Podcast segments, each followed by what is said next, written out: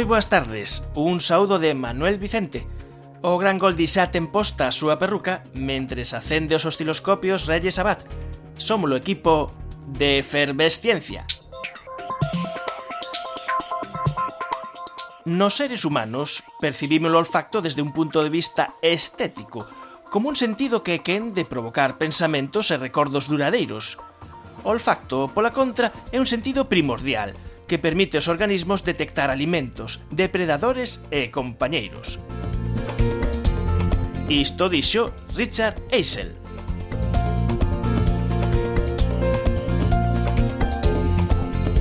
Richard Eisel e Linda Bach gañaron o Premio Nobel de Fisioloxía en 2004 porque descubriron unha familia de mil xenes que codifican os receptores do olor na cavidade nasal atoparon que o recoñecemento do olores das moscas da froita e dos mamíferos é similar e que se desenvolveu polo menos hai 500 millóns de anos. Eisel e Bach demostraron que ter a capacidade de ulir é moi importante. Isto sí que é ter olfacto. Esta tarde falaremos de como ver o cerebro por dentro, de como hackear a membrana celular, de ciencia e arte, e tamén de televisión. Cheirame que habemos de pasalo ben. Benvidos á efervesciencia. Hai outros mundos, pero están neste. Efervesciencia. Doses de ciencias en contraindicacións. Patrocinado pola FECIT, Fundación Española para a Ciencia e a Tecnoloxía, Ministerio de Economía e Competitividade, unha colaboración da Universidade de Santiago e a Radio Galega.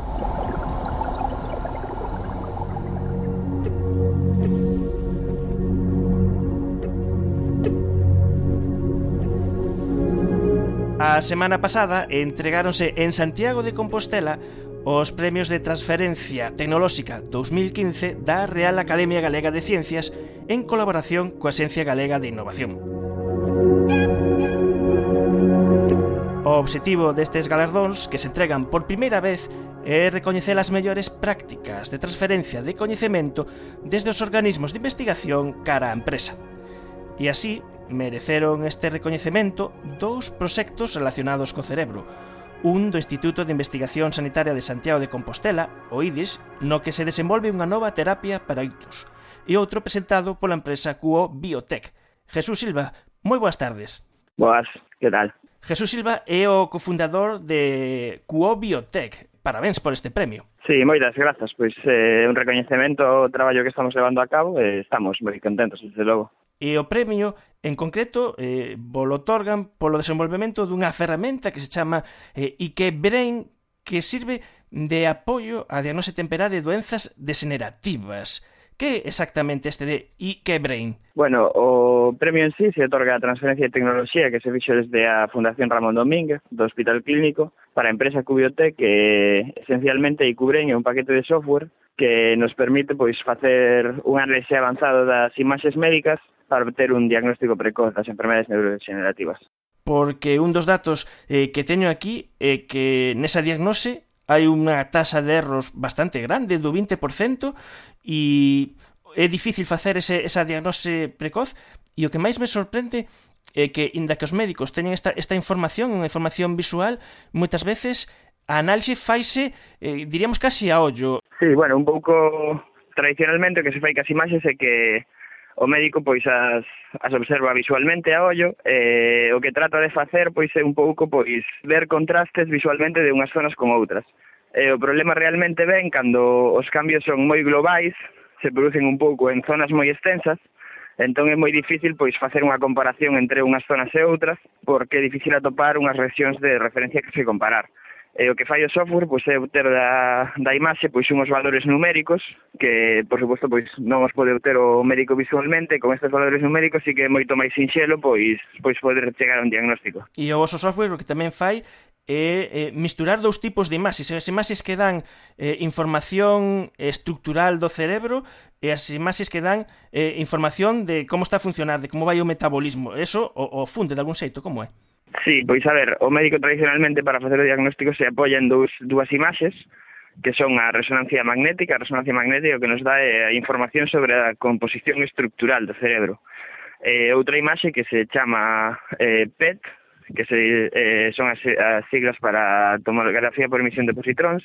Eh, esa imaxe pois nos dá información de como está funcionando o cerebro. Normalmente pois estas dúas imaxes o médico as, as observa visualmente por separado é unha das funcións que ten o, o noso paquete de software pois é pois un pouco fundir estas dúas imaxes en unha soa imaxe para que o médico poida eh, obter ao mesmo tempo tanto información anatómica como información do funcionamento do cerebro. Eh, isto pois fai que poida correlacionar non pois as anomalías anatómicas cas anomalías funcionais dunha forma moito máis sinxela. E ademais tedes unha base de datos de cerebros sans para que a comparación se poida facer mellor. Sí, exacto. Eh, unha das funcións que ten o software é pois compara a imaxe con, con un grupo de pacientes sans que se escanearon aquí noches e eh, a partir de eso pois se fai unha comparación estadística entre entre o cerebro do paciente que se está a analizar é un cerebro, pois digamos, promedio dunha persoa saudable, e eh, se obtén pois información sobre as zonas que poden presentar anomalías e se lle, se lle ao médico pois unha guía para comezar a facer o análise.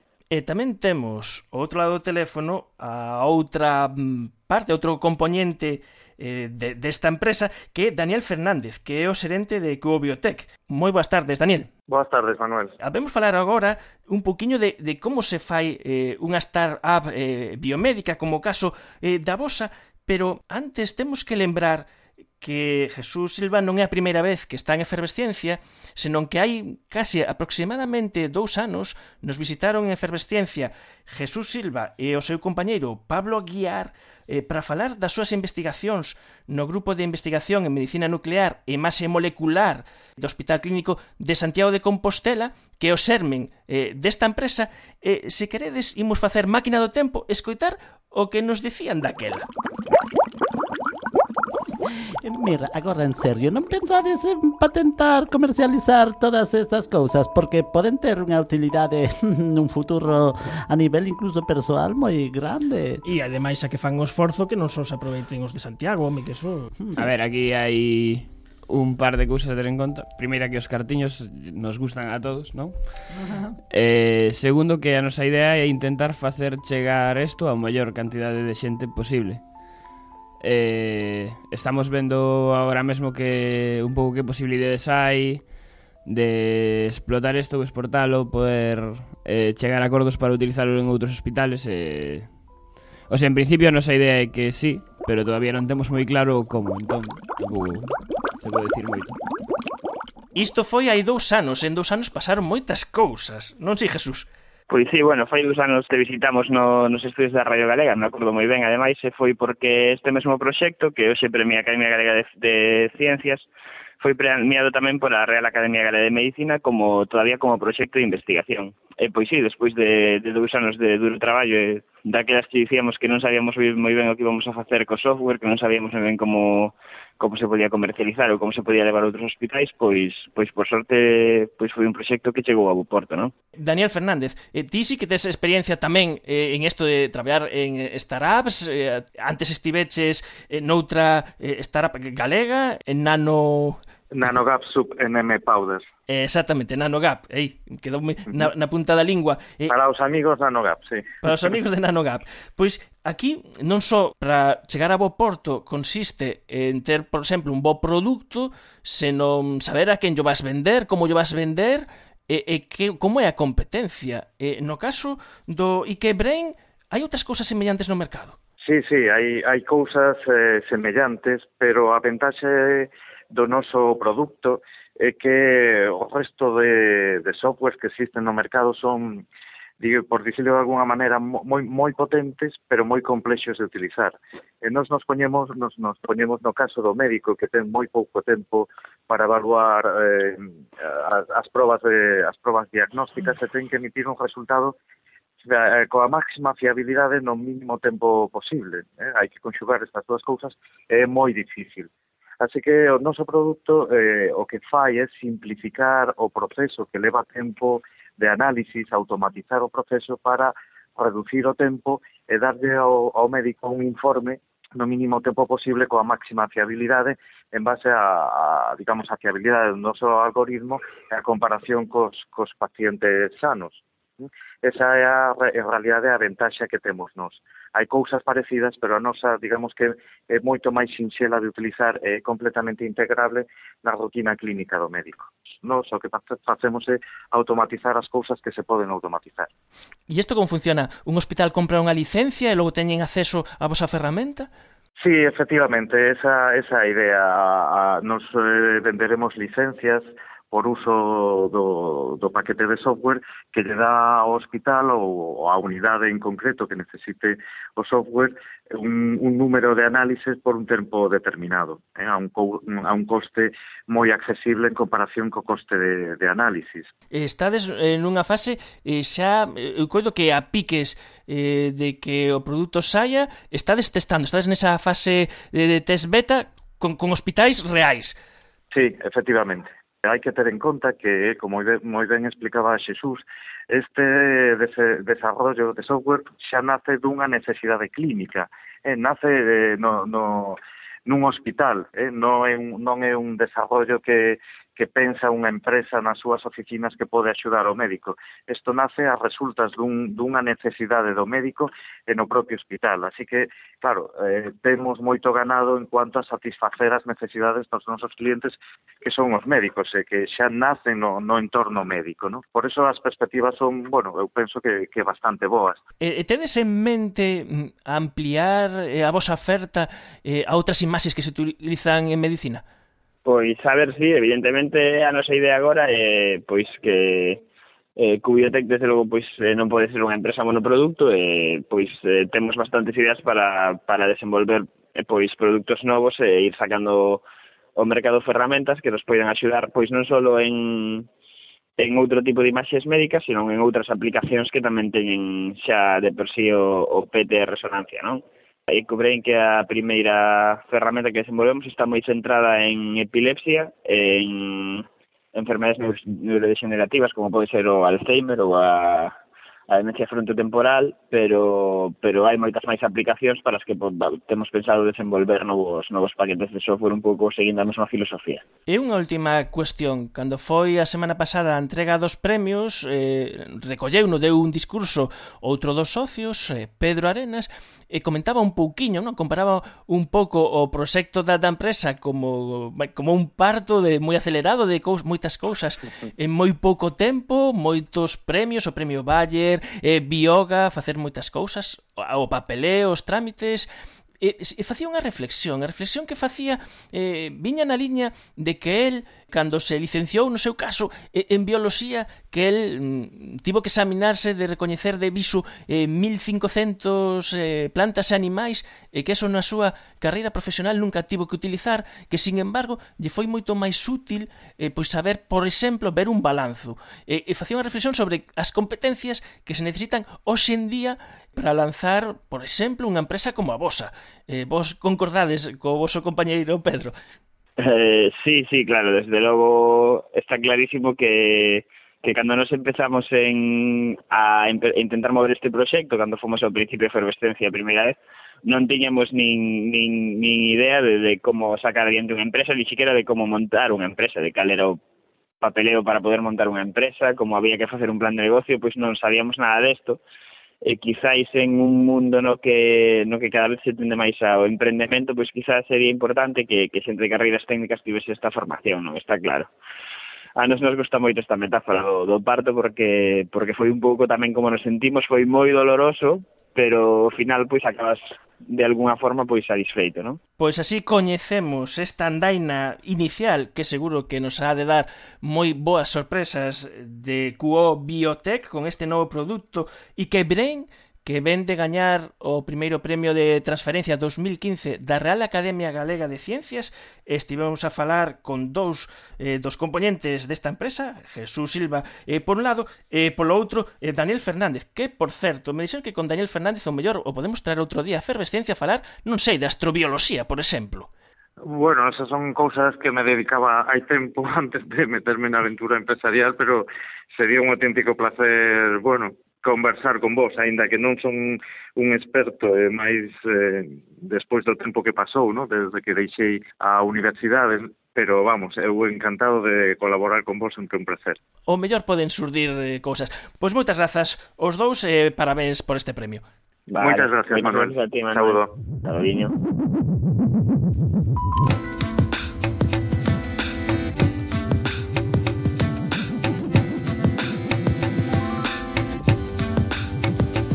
Para o tempo da conversa acompáñanos no noso estudio Javier Montenegro, que é investigador Ramón y Cajal no CICUS, o Centro de Investigación en Química Biolóxica e Materiais Moleculares da USC.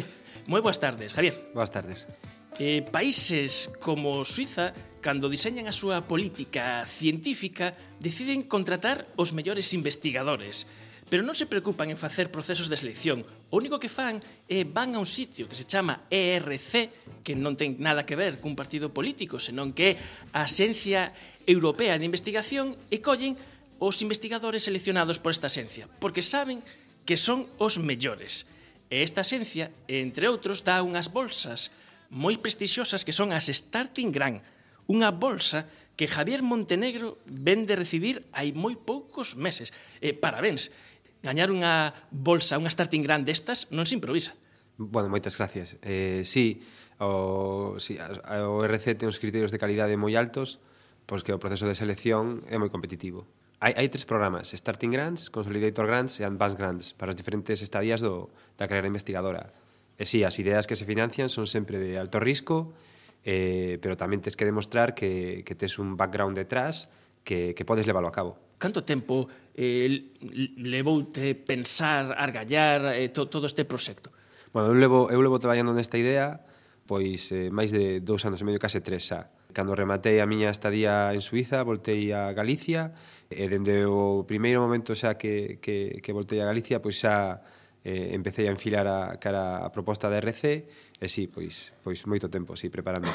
E isto resulta nun financiamento de aproximadamente eh, millón e medio de euros, coido que O proxecto chamase, non sei como se pronuncia, se Dynap, eh, Dynamic Cell Penetrating Peptides, E agora nos tens que explicar de que vai todo isto, porque bueno, isto sí, para para convencer eh, o, o xurado vale, pero que que queredes facer con este proxecto? Eh, eu son químico, químico uh -huh. orgánico, eh preparo moléculas novas, en concreto en este proxecto vamos a preparar novos péptidos eh, moléculas eh, eh, poliméricas compostas por eh, aminoácidos para facer unha función específica. No meu caso, estes péptidos que vou preparar van a estar deseñados para atravesar as membranas das células. E queremos deseñar e preparar novas moléculas para atravesar estas membranas de forma selectiva, é dicir, que estas moléculas seleccionen esta ou esta célula e, despois de seleccionar, atravesen a súa membrana e se internalicen. Porque aí a pregunta importante é como funciona eso, porque algúns deses péptidos pasan e outros non. Exacto. O proxecto ten, ten dúas posibles aplicacións. A primeira é o potencial de entender os péptidos per se, porque descifrar os requerimentos moleculares para que ocurra isto é xa unha xeración de coñecemento moi importante. E a segunda é a aplicabilidade, porque se si tes moléculas que poden penetrar selectivamente en certas células, pois podes eh, aplicar isto a diagnose ou a tratamento terapéutico. E con esta sintonía, isto quere dicir que ten con, está conosco a Boa. Hola. Moi boas tardes, a Boa. Manuel, hola, Javier. Hola, que tal? Ui, que sorprendida. Sí, sí. Eh, sí eh. É un momento sorpresa que, mm, home, que... É que para ser unha boa non sou nada mal. Bueno, a ver, a boa de Einstein... Eh, bueno, a explicamos, que, que, vamos por partes. Sí, sí, peña, peña. Este único programa do mundo mundial que conta na súa nómina, bueno, nómina é moito dicir. É, iso é moito dicir. É moito sí. dicir, na súa nómina de colaboradores coa boa de Einstein. Ademais con unha misión moi clara neste programa. Sí, sí, sí. A misión Sí, a misión é eh, facer aquelas preguntas que os ointes eh, pois, pois se estarán facendo con tanta verborrea que científica que Eh, levamos xa moitos anos coa sí, boa, sí, eh. Sí. As preguntas, bueno, hache de todo, hache de todo. Eh, que, a ver, Porque que ten... sabes o que dicía o meu neto Albert, eh, que unha cousa se entende ben, se entende a miña boa. Entón estou aquí un pouco para defender os ointes de Fervesciencia de, das cosas. Home, non, non quedas defender eh, do noso convidado, de Javier. No, pero mira, xa hai unha cousa que non entendía eu, porque viña viña escoitando por aquí, porque eh, ti falas, Javier, de, de meter sustancias, e veña meter, e veña meter, e veña meter, pero as células van estoupar en algún momento dado, esas sustancias non saen, non? Sairán tamén. Bueno, eh, en algúns casos incluso facer explotar a célula pode ser interesante. Toma. Se, se, se trata dunha célula... Tuxé, moi ben agora, eh? Se se trata dunha célula tumoral, por exemplo, reventala ou matala é, un, é unha boa aplicación. Do... Pois, pois sí, Sí, mira, a última vez que estuvo aquí Ángel Carracedo fal, fal, falando de, de facer estoupar células e cousas, el, el é, eh, é eh, boísimo, é un investigador, uh -huh. pero impresionante, pero usa uns métodos un pouco así que cando, cando te falan de células, imaginaste usar unha nanotecnoloxía, un tal, non sei que, pois el extraía ADN dos chicharros. E sabes que facía para romper as membranas das células? Eh, bueno, isto foi unha receita que nos deixou sí, unha sí, receita sí. caseira, non sei se claro, o laboratorio emplean outras Xa cando dixo que se podía extraer ADN na tua casa, casa, dixo, a golpe de batidora. A golpe de Cunha batidora rompía as membranas das células. E despois para tiña botaballe deterxente líquido para disolver as paredes rotas. O sea, botella de lexía e eh, batidora. No, no, no. Non era lexía. No, era, era botella, botella de sabón líquido. Sí, pero mira, os suizos para darche a pasta supoño que valorarán ser un pouco máis sutil, non?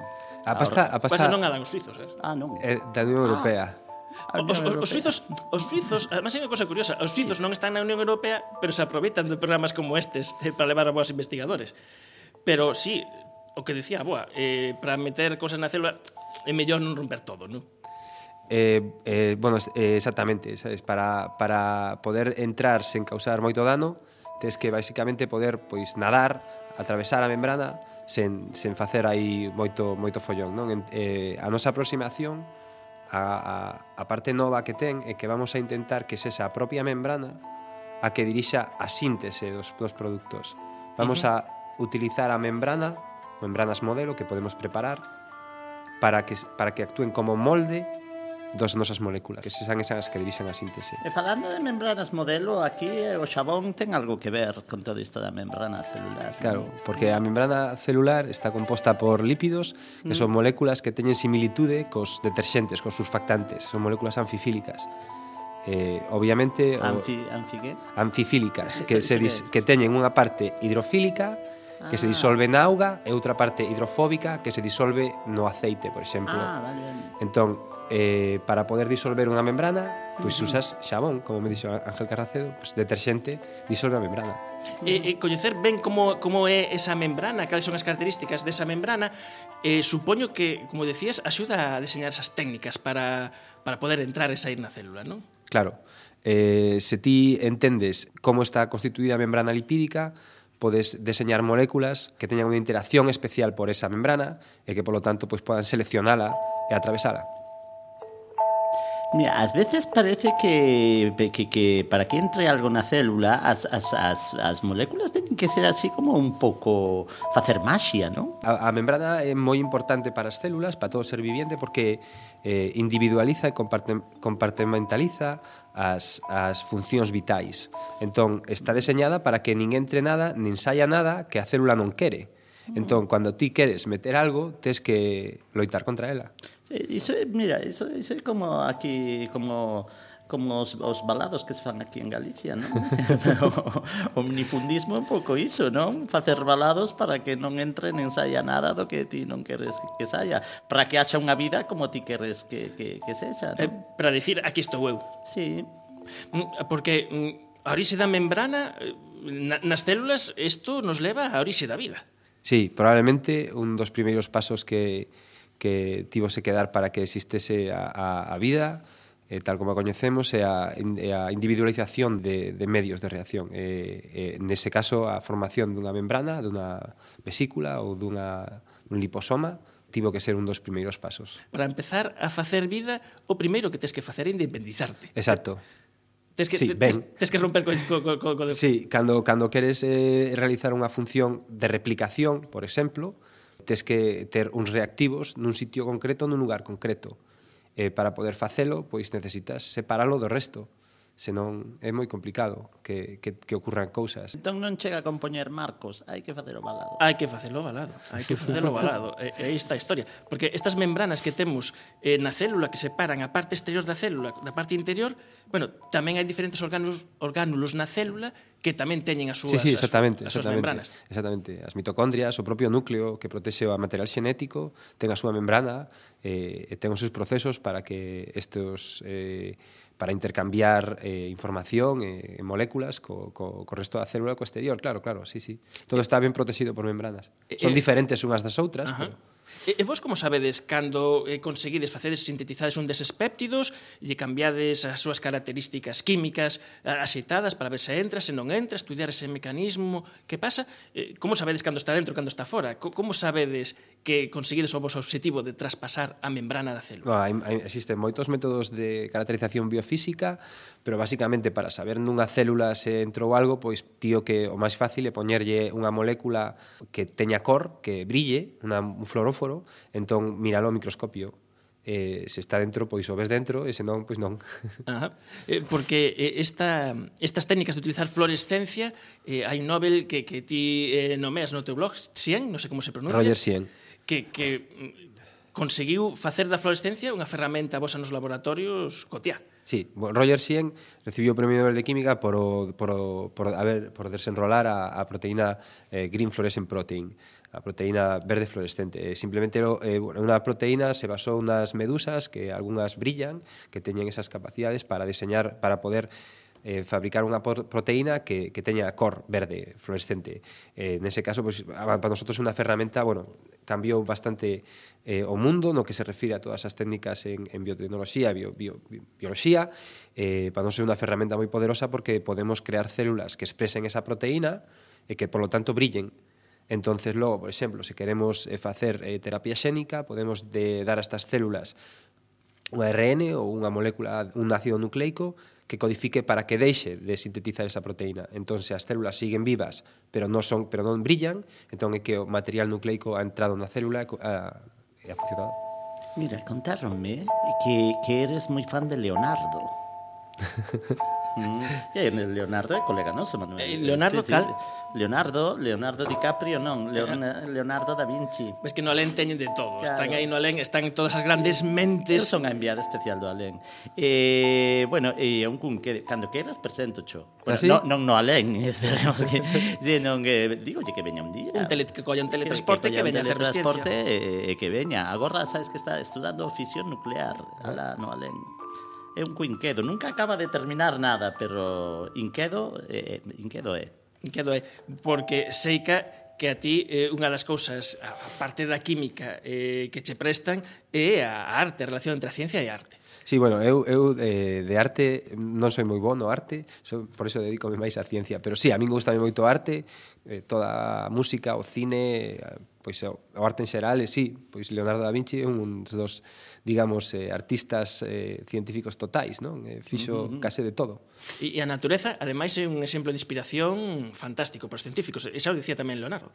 Sí, sí, sí, sí eh, moi, tamén paso artistas a veces, cando miras ao teu redor ves como funciona o mundo eh, e eh, eh, hai momentos que son verdadeiramente artísticos. E consigues o mellor xuntar eh, eh, a túa profesión profesional e esta paixón eh, pola arte, isto acontece en casos que ademais son contados que cando eh, se manda un artigo moi bo a unha revista e a revista queda contenta e di este vai ser portada. E que pasa cando un artigo é portada dunha revista científica? Bueno, eso eh, é, unha, é un premio eh, A veces hai dúas formas de conseguir unha portada, a veces é por invitación, cando uh -huh. lle gusta moitos editores, outras veces é por concurso. E si, sí, pois, eh, ás veces eh, cando, eh, mandanche que pongas unha portada do teu artículo, do teu, do teu artigo, tes que tes que deseñar, facer un debuxo conceptual, artístico do, do do que ti estás a publicar ali e eh, bueno, pues, eh, a veces contactamos sí, con artistas ou intentamos nos facer algo, e eh, sí. Ah, boa, que, que é o que ten aí? Ah, mira, isto Anda. parece un cuadro, falando Anda, de arte. Sí, sí. Debe ser un deseño da, da naturaleza, cando a natureza se pon artística. Isto, díxome Manuel, que é unha membrana. Entón, isto é... Bueno, é, é distinguese aquí como unha capa. Está a portada da revista, atención. Sí, eh, sí. Eh, portada da revista eh, Accounts of uh, Chemical Research e o título é Transporte a través da membrana e aparece aí, bueno, a todo a toda cor, un debuxo eh, eh, impresionante. Sí, hai unha capa como de pelotiñas Ajá. Ajá, que cando faz o corte transversal vese claramente unha membrana delimitada por arriba por unhas pelotiñas amarelas e por abaixo tamén, que están conectadas con outras pelotiñas que teñen un rabo que conectan unha pelotiña amarela ca outra e atravesando este corte transversal hai uns tubos tubos así como destes como pa, para enviar tubos para enviar mensaxes eh, para meter e sacar cousas. Bueno, non sei... Porque se ven outras pelotiñas de outras cores que entran e saen por aí. E tamén, ah, mira, aquí ADN que está entrando ou saindo, non sei. Bueno, non sei se Javier está de acordo con eso de, de, pelotiñas e todo eso. Que, que fixo esta portada? Sí, sí, eu estou de acordo. A veces un debuxo é mellor que mil palabras, eh, claramente sí. Eh, esta portada fixo unha amiga miña que se chama Bea Pérez, que é unha artista moi boa, que ten moito talento e que pois eh, ese día pois cando cando nos invitaron a escribir este artigo, pois eu contatei con ela e díxenlle se se lle apetecía, se se tiña uns uns momentos para hacernos un debuxo conceptual porque queríamos presentarnos ao concurso. Ela fixo o debuxo e gañamos porque boísimo. Eh, eh Bea Pérez, ti eh, boas tardes. Estás de acordo coa que acaba de dicir Javier? Eh, estoy, estoy de acuerdo. Hola. Eh, Be Hola, Bea. Qué Hola, sorpresa. Javi. Eh, Bea Pérez, eh, artista que colaborou con Javier en facer eh, esta portada. Eh, eh, non sei como foi o traballo. Eh, te din, oye, mira, me axudas a facer unha portada para unha revista científica. Non sei como te tomaches isto, eh, si mm, te pareceu fácil, complicado. Como foi a experiencia, Bea? Bueno, eh, Javi y yo somos amigos, ¿no? Y, y- y- la verdad es que, bueno, él es una persona con mucha energía, se le nota al hablar y, enseguida me transmitió la ilusión por, por el proyecto y, la forma que tuvimos de, de trabajar fue por Skype. Él desde el laboratorio con la, con la bata blanca y, yo desde el estudio con los lápices y, y las acuarelas, ¿no? Y así, así fue como empezamos. Eh, ti tamén falabas de boliñas ou el falaba de doble capa lipídica? No, yo la verdad es que no tenía, mm, para ser sincera, ni idea de, de, de, del mundo de las membranas lipídicas, ¿no? Para mí era bastante confuso y desconocido, pero le tenía a él para, para ayudarme. Mm, Javi, eh, la verdad es que desde el principio tenía muy, muy, muy claro el, el tipo de ilustración que buscaba y lo que quería transmitir. Eh, recuerdo que, que, bueno, esto fue hace tiempo porque fue en el 2013, pero, pero quería una imagen expresiva que, que se alejara de, de- de la rigidez, ¿no? De, de un render generado por ordenador que, que creo que es el tipo de, de- de imagen que se suele dar en el mundo este de, le- de la química. A min o análogo que me parece isto é a cartelería das pelis que, que, que, que podes sí. facer hai, hai pelis que, que é máis bonito o, o, o, o cartel eh, eh que a propia que a propia película e di moito máis, non? Eh, cando se facían eh, manualmente, non? O sea, quando decir, cando non era eh, pois o que dicías, o mellor esa imaxe de, de ordenador de 3D está eh, e é unha cousa parecida, e estás contando moitas cousas con moi pouco. Exacto. Gracias, Bea. Eh, En primeiro lugar, dicir que eu, eu tiña claro o que quería, bueno, isto é, eu dixen a Bea, quero eh, eh, a min eh, unha ilustración que representa o carácter dinámico dunha membrana que está transportando cousas. Isto se ter, eh, ter claro. Eh, en fin, o debuxo é moi bonito e eh, foi Bea que basicamente, sabes, foi capaz de, de coa súa forma de facer o, o arte, pois eh, darlle este, este toque que parece que realmente, como dixía Boa, que se están movendo as moléculas eh, a través da membrana. Pois Bea Pérez, eh, moitas grazas por contárnolo e nada, que non sei se no futuro haberá máis portadas Espero como que estas. sí, Bea, ti que dis. Sí, sí, sí, ojalá. Muchísimas gracias. Bueno, quiero, quiero aprovechar para darle la, la enhorabuena por la beca, que no he tenido la, la ocasión de decir solo en persona. Ah, gracias, Bea. Y, Gracias. y mucha Te- suerte, y tu seguro tu que- dibujo- que colaboraremos. Tu dibujo estuvo en la, fue la última diapositiva que quedó en la presentación en Bruselas. Ah, ese foi o segredo, eh? E- Ese, esa foi a arma secreta, eh, co que se quedou o xurado. Dixo, bueno, este sabe o que está facendo. Moitas gracias, Bea gracias, Pérez. Chao, gracias, chao, besos. Pois, Manuel. Dígame, aboa. Este investigador ule a mar de ben, eh? Sí, como? Que, que ule moi ben. Sí, sí. Que, que, que colonia usas? Eh, o, o mellor é o cheiro a laboratorio. Non sei, que, como funciona o olfato? Ah, olfato. Sí. Ah, va, va, sí. vostede eh, Claro, eh, sí que fía as aprendendo, vou aprendendo. Sí, sí, vai fiando, sí. Vai fiando eh. aí. Como, como lemos? Porque isto é importante. A ver, sí, eu, eu traballei durante, durante algún tempo na, na, na, na, na síntese de sensores que operen como, como receptores olfativos. E o sistema, do, de, o, o, o sistema olfativo do, dos, dos mamíferos funciona a través de mecanismos de xeración e recoñecemento de patrones. Nos, nos, os seres humanos, podemos recoñecer ao redor de 10.000 odorantes. 10.000, eh? 10.000, é eh, unha moitísimos. pasada. Non somos conscientes deso, eh, non, eh? de que, non. que distinguimos 10.000. Eh, parece ser que incluso máis, pero bueno. E podemos distinguir estes 10.000 diferentes olores con tan so, con tan, solamente con, con 300 olfatores, eh, eh, receptores olfativos. Isto quere dicir que non hai un sistema de, rece de recepción un a un Eh, o que pasa é que cando chega un, un, un aroma a nosa, a noso receptor, a nosa nariz, ou, eh, entón se, se, no, no, no cerebro se xera un patrón que é recoñecido especificamente como, esa, como, esa, como ese aroma. Eh? E iso é porque combinacións de diferentes receptores en forma de códigos de barras podemos desta forma detectar. O sea que chegan como niveis, o sea, decir, do receptor 1 pois un 2%, do 3 un 10%. Moi ben explicado, sí, eh, Xuntas todo eso Exacto. e dices, isto é limón. Eh, limón, por exemplo, ou sí. cheiro de, non sei, algún que lle guste especialmente a boa. Eh, eh, cocido. Cocido, vale.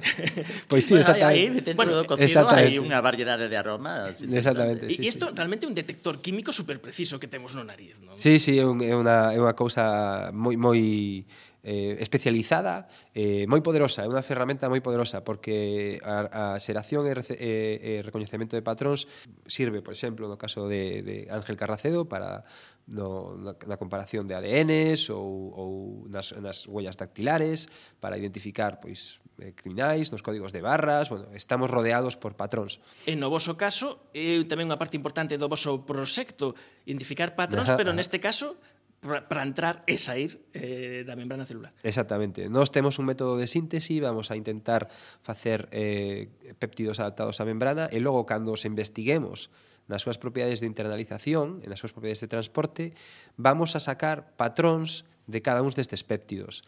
Pois número de aminoácidos, carga total, eh, diferentes solubilidade a diferentes pHs e demais. Con estos datos imos sacar un patrón, una, digámoslo así, una, una eh, pegada dactilar deste, deste péptido e eh, desta forma imos intentar identificar ou predecir mediante mediante sistemas olfativos, digámoslo así, cales péptidos van a entrar na membrana e cales non. O sea, queres ter, vides botar man de ter o molfato, o molfato, decir, pero científicamente, decir, este péptido vai entrar, non vai entrar, o metedes no vosso sistema, vai predicir as posibilidades de entrar. sí. Imos tentar cheirar os péptidos. Imos tentar cheirar os péptidos. E así, eh, falando de cocido, do cheiro do cocido, eh, de, de olores, de como este sistema que temos eh, no noso nariz para detectar olores é precisamente algo semellante o que queren facer eh, este grupo eh, de, de Javier Montenegro, deste proxecto europeo do Consello Europeo de Investigación do RC con esta Starting Grant, así rematamos este tempo de parolada en efervesciencia. Moitísimas gracias, a verdade que foi un placer e creo que a labor que facedes é moi importante que nos acheguemos a, a, a xente e, e bueno, pues, eh, moitísimas gracias de novo é un placer. Naturalmente, ya sabía todos los ingredientes de amor y psique. Solo se necesita un buen olfato para saberlo, nada más. Pero se precisa el oficio de un auténtico perfumista para detectar la fórmula exacta. Las notas, los acordes y, claro está, sus proporciones exactas. ¿Puedes decirme la fórmula exacta de amor y psique? ¿Mm? ¿Mejor olfato de París?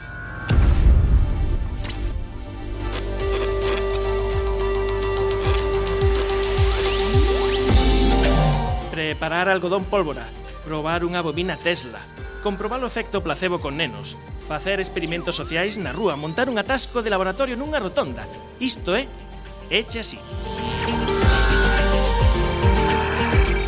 Durante as últimas oito semanas, ata hoxe, domingo, todos os domingos pudemos ver na televisión de Galicia o programa de divulgación científica Eche así.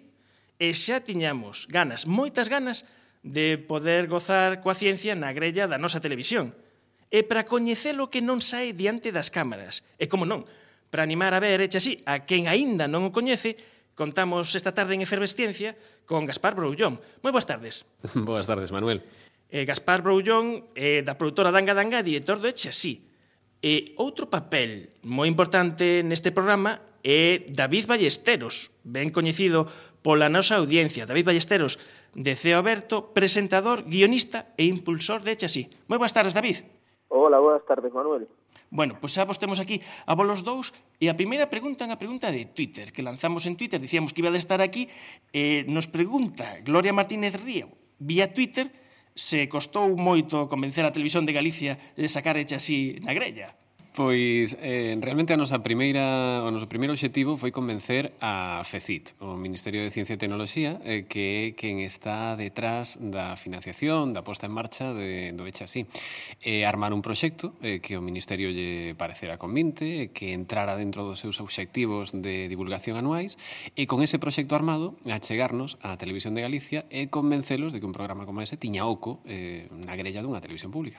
Sabes que vos facer? Temos ladrillos, martelo e profesor. Que podemos facer con estes tres elementos? Mira, Ivana non lle fai moita gracia. Imos romper o ladrillo riba da profesora con un martelo.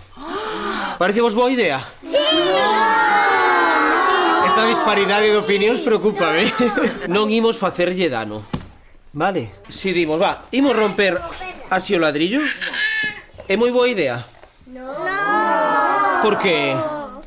Cando se emitiu este capítulo de Eche Así, este fragmento, en Twitter decía algún profesor, bueno, un dos riscos dos profesores é participar en Eche Así.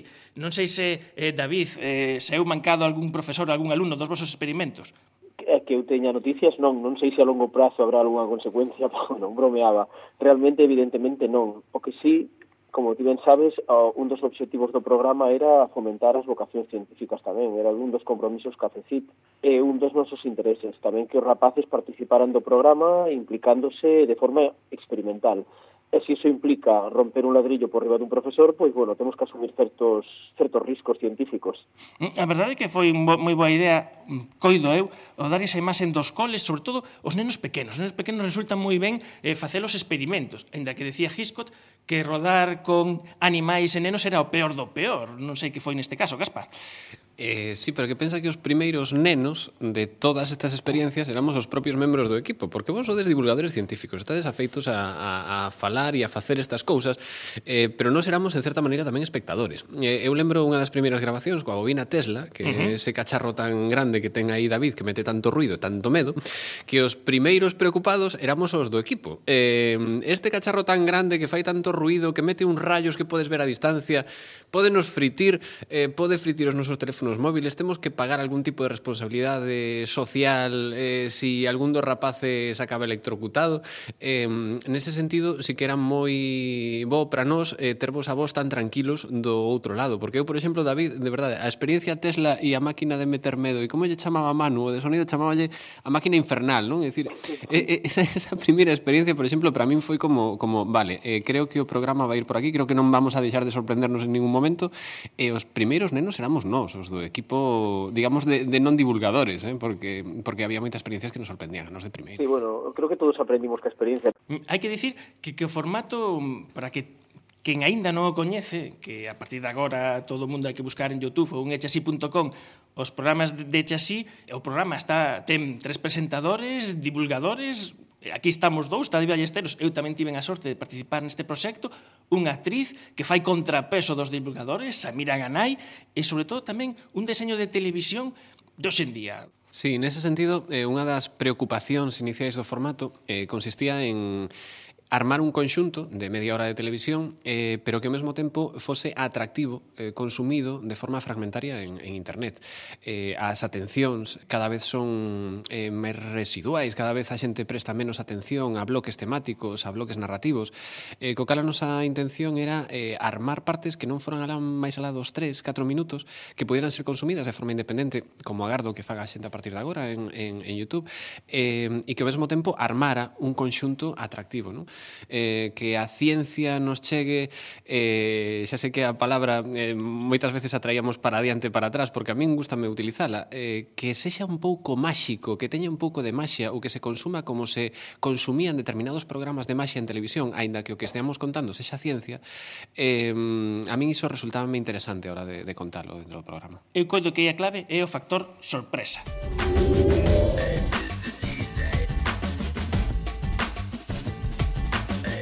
Perdón. Busco San Roque. Eh, San Roque. Sí, pero desde que... Ah, perdón. Oye, qué maleducados. ¿Sabes? Los... ¿Estás bien? Sí, tranquilo. Eh, perdón, ¿puedes decir para ir a San Roque? Poñemos antecedentes, o que estamos a escoitar unha Samira Ganai que de repente se volve estranxeira, co xente estranxeiro na Rúa Nova de Santiago preguntando a xente onde está San Roque e logo aparece a sorpresa, o factor que non se espera. Eh, non sei, que pasa aí, David, por exemplo? Bueno, creo que ese día é dos que máis disfrutamos, sobre todo ti máis eu, que estábamos de científicos na experiencia, que foi cando gravamos o do cambiazo, se non recordo mal. Efectivamente, aquí foi onde se lle daba esta, estas eh, persoas pola rúa eh, inocentes que pasaban por aí atendían sentilmente a unha turista despistada eh, de repente se atopaban falando con outra persoa e non se decataban dese cambio. Bueno, eso hai que velo, parece increíble de facelo, parece increíble de contalo, eh, pero hai que velo. Pero isto non sai a primeira. Non, eh, ademais, eso, a ah, nos tampouco tiñamos a mecánica de como se cambia unha persona por outra, que parece moi fácil así falando de, bueno, imos pasar con algo que nos oculte e cambiamos a persoa. Pero, bueno, tivemos que facer ensaios, e recordas, probas, colocar as cámaras, bueno, foi toda unha aventura, e sobre todo, aparte de que sí, estábamos documentados, sabíamos que o experimento inicialmente sai, pero non deixa de chocar que realmente podas cambiar a persoa con que está falando alguén e non se dé conta. E coido que, que esta experiencia en España, en televisión, penso que é a primeira vez que se fai, por exemplo, esta do, do cambiazo. Levar a ciencia a rúa, esa é outra das claves, Gaspar. Sí, a min gustame pensar en do que foi a experiencia do Che así, que divulgamos ciencia a xente que o ve a través da televisión, Pero tamén, e incluso mm, máis directo en canto a recompensa para nós, divulgamos ciencia a xente coa que facemos ciencia. Eh, poder rematar esa experiencia, que non deixaría de ser unha experiencia de cámara oculta nun uh -huh. programa convencional, e poder facerlle entender a eses coellos de indias que entraron a confundirse entre Samira e María e facerlles entender que o que lles pasara non era unha broma de televisión, sino que era algo que iba máis alá, que eles, que a súa forma de percibir o seu entorno eh, facía que funcionasen desa, desa maneira e ver non só a cara da xente sorprendida polo cambio, sino a cara da xente sorprendida cando entenden como funciona o seu cerebro eh, ante ese cambio, eh, iso tamén é moi gratificante e unha das cousas máis atractivas de facer esa esa, esa ciencia de rúa?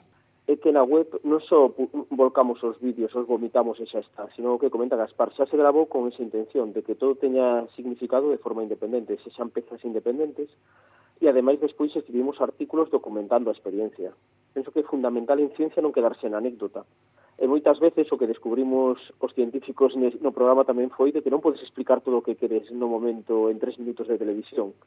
É moi interesante poder eso, despois documentar, ofrecer enlaces, ligazóns a, a informacións adicionais, para que a xente poida documentarse realmente sobre o tema, que eu, é unha cousa que penso que tampouco é nada habitual en televisión. Con que estea quedades? Con que experimento, un, ou, ou mellor algún que, que non sei, que, que non saíse ou que hubo que repetilo varias veces ou algún que vos deu especialmente satisfacción con cal vos quedades? Eu, eu por exemplo, eh, con outra de Rúa, eh, que se emitiu no programa desta, desta mañá, que é eh, o da muller de vermello que consistiu basicamente en eh, comprobar eh, como eh, a reacción dun grupo de xente ante unha muller vestida mm, pois cun traxe de chaqueta negro e cambiándolle simplemente a chaqueta pola vermella, ver como cambia a, a atención. Non?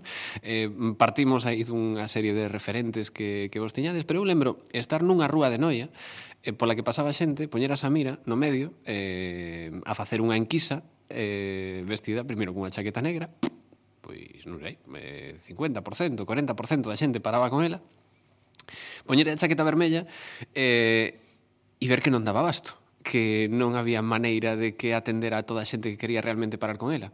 E lembro tanto iso eh, como a túa cara de satisfacción, Manuel, na distancia, na segunda cámara, eh, analizando e comentando a xogada como un comentarista deportivo e iluminándose os ollos de ver que aquilo estaba funcionando, de que a ciencia estaba collendo o corpo. Eh, eu quedome con ese, porque ademais foi das primeiras que, que tivemos esa reacción. Sí, bueno, eu tamén era un pouco escéptico, pero había dúcias de, de, de artigos científicos que daban conta dese fenómeno, pero mellor hasta que non o reproduces non acreditas. E eh? os pasou eso, e quen queira ver as referencias, nada, a eche así. David, a túa. A, mí, a miña, bueno, por un lado, penso, estou totalmente de acordo con Gaspar, nos experimentos sociais foron espectaculares, ou como a mí, os que a mí máis me sorprenderon, pero eu quedome, eh, a mí encántame eh, a sobredosi de medicación homeopática que tomache desti, David, e sobreviviche, desgrazas a Deus.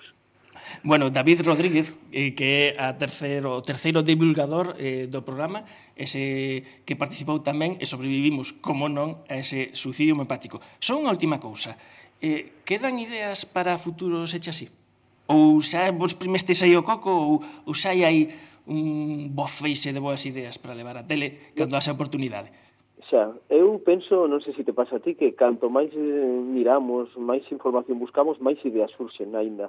Entón eu desexando facer unha segunda tempada, porque penso que temos moitísimas posibilidades, que aprendimos moitísimo durante esta primeira grazas ao equipo tamén, foi a primeira vez que traballamos todos xuntos, e creo que aí se abriu todo un mundo novo de posibilidades eh, de captar o medio televisivo como funciona, e que penso que, bueno, temos contidos para tempadas e tempadas.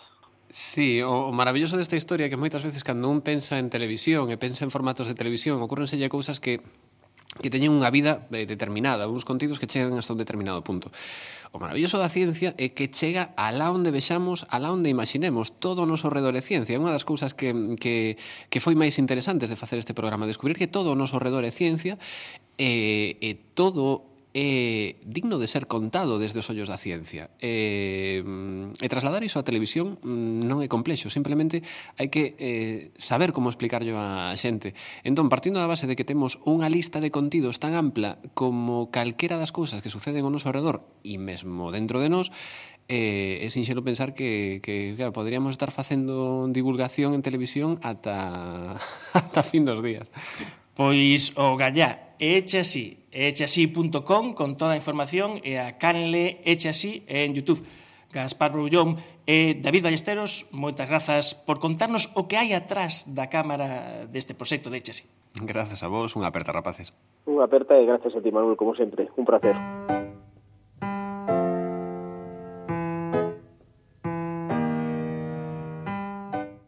non toques os meus círculos é un título que ven da, da frase que, segundo a lenda, Arquímedes dixo no momento en que un soldado romano invadía Siracusa e ele estaba pois como abstraído nos seus cálculos e tal, sin, sin percatarse moi ben do que estaba pasando ao seu redor, non?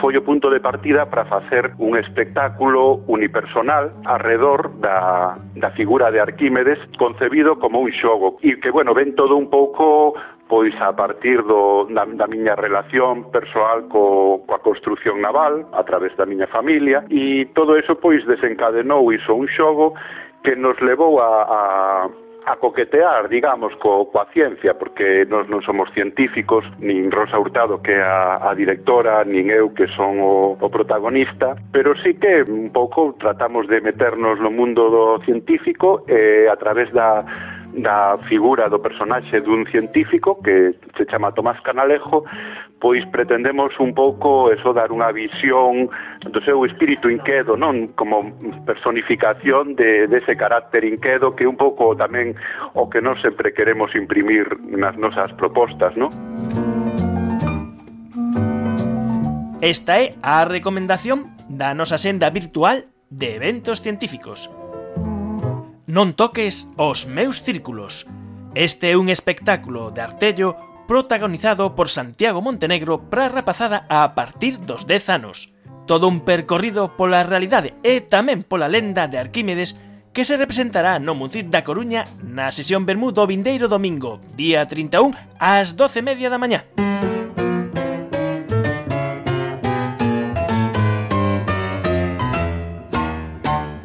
Efervesciencia Patrocinado pola FECIT, Fundación Española para a Ciencia e a Tecnoloxía, Ministerio de Economía e Competitividade, unha colaboración da Universidade de Santiago e a Radio Galega.